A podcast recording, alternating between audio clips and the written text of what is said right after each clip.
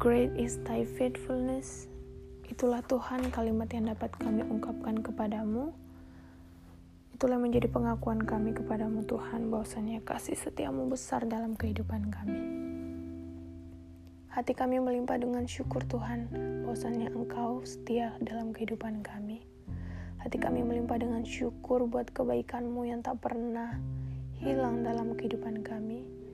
Hati kami melimpah dengan syukur bahwasanya pertolonganmu tak pernah terlambat dalam kehidupan kami. Terima kasih Tuhan buat hari yang baru yang Tuhan berikan kepada kami. Semangat yang baru, nafas yang baru. Biarlah Tuhan di hari yang baru ini, sepanjang kehidupan kami mulai dari pagi hari, siang, sore, hingga malam, Kau Allah yang senantiasa berdaulat penuh dalam kehidupan kami, menolong, menuntun, memimpin, bahkan memampukan setiap kehidupan kami untuk terus berjalan dalam kasih karuniamu, untuk terus berjalan melakukan pekerjaan yang baik yang Engkau kehendaki dalam kehidupan kami. Terima kasih Tuhan. Sepanjang dalam kehidupan kami hari ini, kami mau berjalan menurut kehendak-Mu, menurut hal yang berkenan kepadamu Tuhan. Jadilah Tuhan seluruh dan kehendak-Mu, berkati setiap usaha, tugas, pekerjaan yang kami lakukan, biarlah Tuhan boleh berbuah hal yang baik, boleh menyenangkan hatimu, bahkan boleh menjadi berkat bagi orang lain. Mampukan kami, tolong kami Tuhan. Terima kasih, biarlah kami Tuhan boleh menjadi anak-anakmu yang senantiasa berbeda dari yang sebelumnya. Biarlah Tuhan kami boleh mengalami setiap transformasi kehidupan kami. Kami menyerahkan semuanya ke dalam tanganmu, dalam nama Kristus Yesus yang adalah Juru Selamat kami. Hai, so uh, bersyukur buat kebaikan Tuhan. Uh, pagi ini aku baca dari Efesus 4 ayat yang ke-17 sampai yang ke-32 di mana di situ menjelaskan mengenai manusia baru. Di ayat yang ke-17 sampai yang ke-25 itu menjelaskan seperti alasan-alasan kenapa manusia baru itu kenapa sih manusia itu harus hidup dalam kehidupannya yang baru. Dan di ayat yang ke-26 sampai yang ke-32 adalah implikasi dalam setiap kehidupan baru orang percaya. Uh, ayat yang ke-26 sampai yang ke-32 itu adalah contoh-contoh manusia baru, sikap-sikap manusia baru. Nah, saya akan baca di ayat yang ke-26 sampai yang ke-32. Apabila kamu menjadi marah, janganlah kamu berbuat dosa. Janganlah matahari terbenam sebelum padam amarahmu, dan janganlah beri kesempatan kepada iblis. Orang yang mencuri, janganlah ia mencuri lagi, tetapi baiklah ia bekerja keras dan melakukan pekerjaan yang baik dengan tangannya sendiri, supaya ia dapat membagikan sesuatu kepada orang yang berkekurangan. Janganlah ada perkataan kotor keluar dari mulutmu, tetapi pakailah perkataan yang baik untuk membangun di mana perlu, supaya mereka yang mendengarnya beroleh kasih karunia. Dan janganlah kamu mendukakan roh kudus Allah yang telah memateraikan kamu menjelang hari penyelamatan. Segala kebahitan, kegeraman, kemarahan, pertikaian, dan fitnah hendaklah dibuang dari antara kamu. Demikian pula segala kejahatan, tetapi hendaklah kamu ramah seorang terhadap yang lain, penuh kasih mesra dan saling mengampuni sebagaimana Allah di dalam Kristus telah mengampuni kamu. Ini adalah keadaan manusia baru. Paulus tak Paulus lagi-lagi menjelaskan mengenai manusia baru, mengenai perubahan setiap kehidupan orang yang percaya. Memang kita orang percaya perlu memang perlu mengalami transformasi kehidupan. Keadaan manusia baru tentu harus berbeda daripada manusia yang sebelumnya.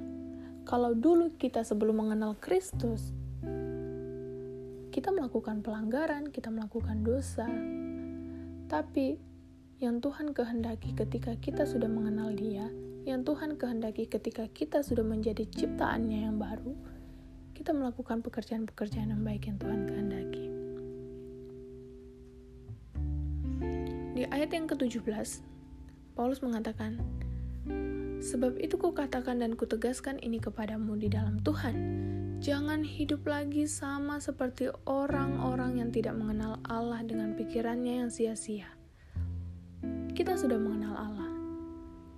Kita sudah tahu apa yang menjadi kehendak Tuhan.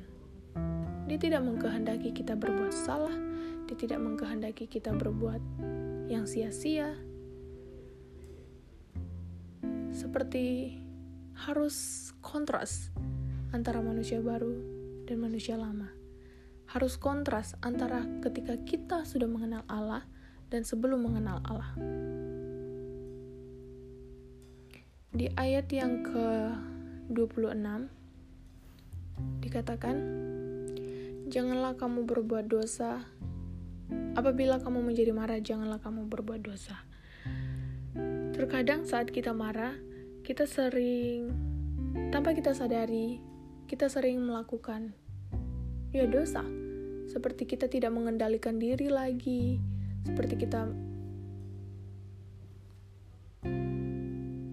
dengan nada yang tinggi menyakiti orang lain seperti itu.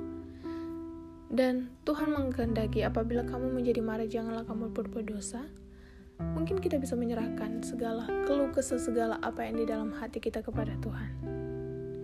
Dan Tuhan mengkehendaki janganlah matahari terbenam sebelum padam amarahmu. Jadi dalam satu hari itu, hendaklah mungkin ungkapkan kepada Tuhan, ungkapkan kepada orang yang kamu ya sedang marah, akui, perbaiki. Terkadang ini masih sulit, khususnya saya secara pribadi. ini sulit, sulit.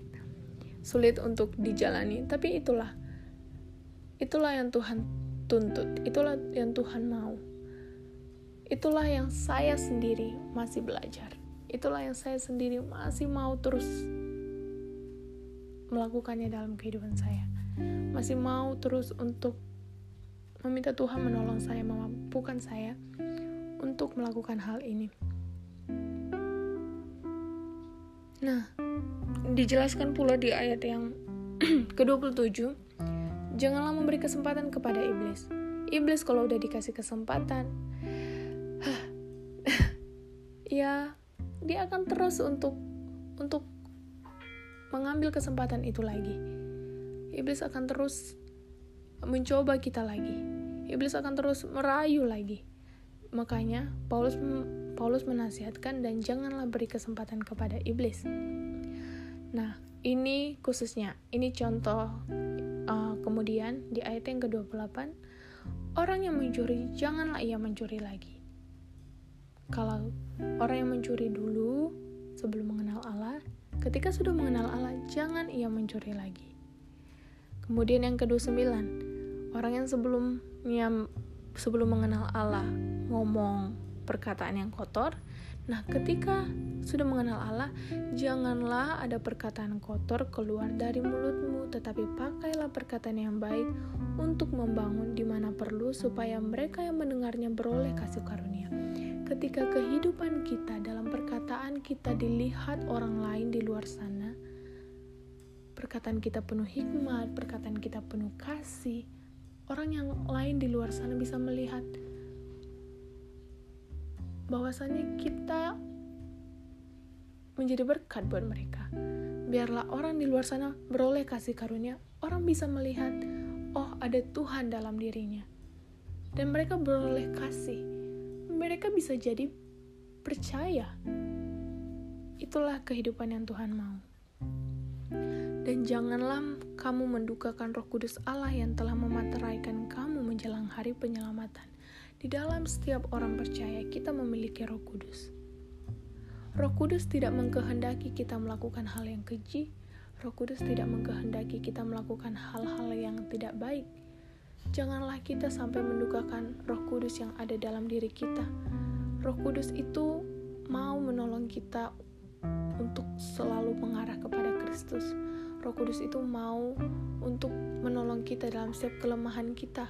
Roh Kudus itu mau kita supaya mengerjakan pekerjaan-pekerjaan yang baik. Tapi kalau kita malah melakukan hal yang kontras, hal yang menentang Dia, kita mendukakan Dia. Padahal Roh Kudus Padahal Roh Kudus telah memateraikan kita menjelang hari penyelamatan. Roh Kudus adalah materai mematerai Roh Kudus adalah roh yang memateraikan kita kelak saat kita nanti diselamatkan. Di hari yang di hari yang akan datang di mana kemuliaan pengharapan kita dinyatakan, Roh Kudus adalah jaminannya kita. Roh Kudus menjamin kehidupan kita. Tapi kalau kita melakukan hal yang kontras, tentu kita mendukakan Dia. Segala kepahitan, kegeraman, kemarahan, pertikaian, dan fitnah hendaklah dibuang dari antara kamu, demikian pula segala kejahatan. Jadi contohnya itu ada kepahitan, kegeraman, kemarahan, pertikaian, itulah segala contoh kejahatan. Tapi bukan hanya itu, tetapi Paulus menjelaskan demikian pula segala kejahatan. Bukan jadi bukan kepahitan doang, bukan kegeraman doang, bukan kemarahan doang. Paulus mungkin mau mau menyebutkan semuanya tapi mungkin ya. Jadi demikian pula segala kejahatan. Apa saja hal-hal yang jahat, apa saja hal-hal yang tidak berkenan hendaklah dibuang dari antara kita tapi inilah yang Tuhan kehendaki, inilah yang Paulus nasihatkan kepada kita. Tetapi hendaklah kamu ramah seorang terhadap yang lain, penuh kasih mesra dan saling mengampuni sebagaimana Allah di dalam Kristus telah mengampuni kamu. Kita orang percaya tentu kita meneladani sikap Kristus. Kita orang percaya tentu kita melakukan yang Kristus telah lebih dahulu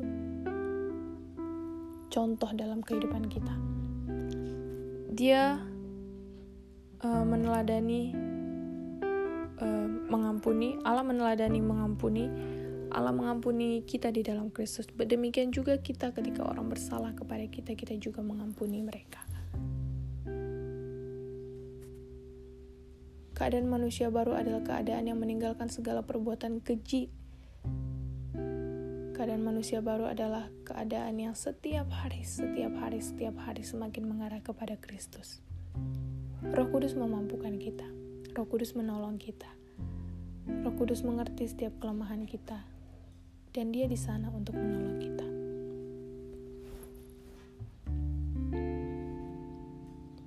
Hendaklah kita sebagai manusia baru, hendaklah kita sebagai ciptaan baru, hendaklah kita sebagai orang-orang yang percaya, berbalik daripada dosa-dosa kita yang lama daripada hal-hal keadaan kita sebelum mengenal Allah kepada hal-hal baru sesudah kita mengenal Allah. Yang menjadi refleksi saya secara pribadi adalah keadaan manusia baru adalah cerminan Kristus dalam manusia itu saya secara pribadi mau mengambil sikap mengampuni orang yang bersalah kepada saya.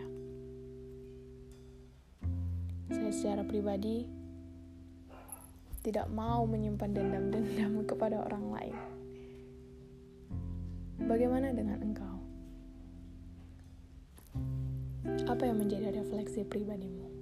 Kiranya Tuhan menolong kamu, kiranya Tuhan yang memampukan kamu ambil sikap hati yang mau dituntun kepada yang lebih baik.